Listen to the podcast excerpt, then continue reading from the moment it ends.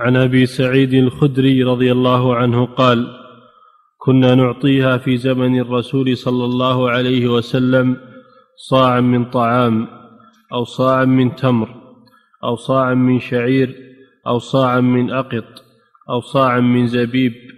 فلما جاء معاوية وجاءت السمراء قال أرى مدا من هذه يعدل مدين يعدل مدين.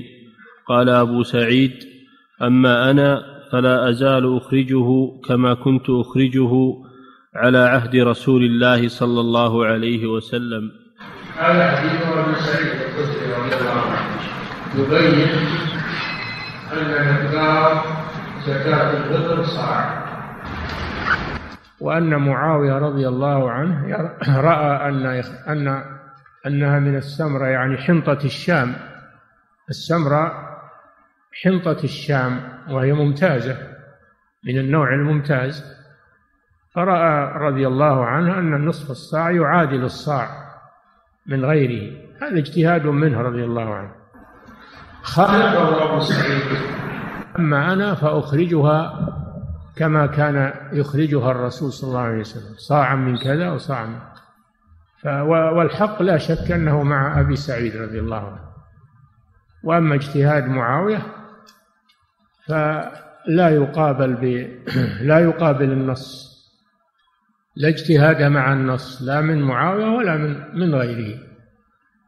وأما ذكر هذه الأصناف الخمسة الطعام معناه البر والتمر والشع... الطعام والشعير والتمر والزبيب وهو مجفف. التمر مجفف الرطب والزبيب مجفف العنب. والأقط مجفف اللبن. هذا في الغالب يكون عند البادية. النبي صلى الله عليه وسلم يعني عددها من أجل التيسير على الناس لأن كلا يخرج مما عنده. اللي عنده طعام يخرج طعام اللي عنده شعير يخرج شعير اللي عنده تمر يخرج تمر اللي عنده زبيب يخرج اللي عنده أقط مثل البادية يخرج الأقط. فهذا من باب التوسعة على الناس ويخرج غيرها مما يقتات في البلد. ليس الإخراج خاص بهذه الأصناف. وفيه رد على الذين يقولون بإخراج القيمة بصدقة الفطر. الرسول أمر صلى الله عليه وسلم بإخراجها من الطعام. بإخراجها من الطعام ولم يأمر بإخراجها من النقود. وقدرها بالصاع. قدرها بالصاع. هذا مما يؤكد أنها لا بد أن تكون مما يكال من الطعام وغيره من الأقوات ولا تكون من النقود. وأيضا صدقة الفطر صدقة ظاهرة. وأما إخراج الدراهم فهو صدقة خفية. الرسول صلى الله عليه وسلم أمر بإظهارها بالكيل والوزن والأخذ والعطاء. صدقة ظاهرة. فلو أنه أخرجت دراهم ما صارت ظاهرة صارت خفية. فهي مظهر وشعيرة. يجب إظهارها ولا يجوز إخفاؤها نقودا. وأيضا الفقير لا يجد يوم العيد محلات يشري منها. حتى لو أعطيته نقود ما يجد محلات يشري منها. فتعطيه طعاما يستفيد منه. يعني تعطيه الطعام يستفيد منه ولا يحتاج إلى شراء وذهاب إلى المحلات. فالذين يقولون إنها تخرج القيمة هؤلاء قولهم مرجوح. قولهم لا شك أنه مرجوح. وهو مذهب أبي حنيفة رحمه الله. ولكن قوله مرجوح. انه إذا كنا رددنا قول معاوية وهو صحابي في مقابلة النص فكيف لا نرد قول أبي حنيفة رحمه الله وهو في مقابلة نص القاعدة أنه لا اجتهاد مع النص أبدا. نعم. أحسن الله إليك.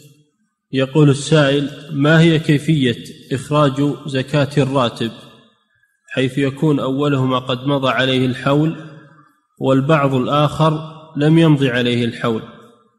هذا ذكر العلماء له حلا مريحا وهو أن تجعل شهرا من السنة شهرا لزكاتك تخرج زكاة ما تجمع لديك في هذا الشهر مما تم حوله وما لم يتم حوله إلى مثله من السنة القادمة.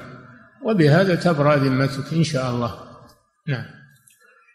فضيلة الشيخ يقول السائل صدر فتوى من أحد المشايخ في برنامج سؤال على الهاتف بأن زكاة الفطر على رأيه تخرج بالقيمة لعدم انتفاع الناس بقوتهم.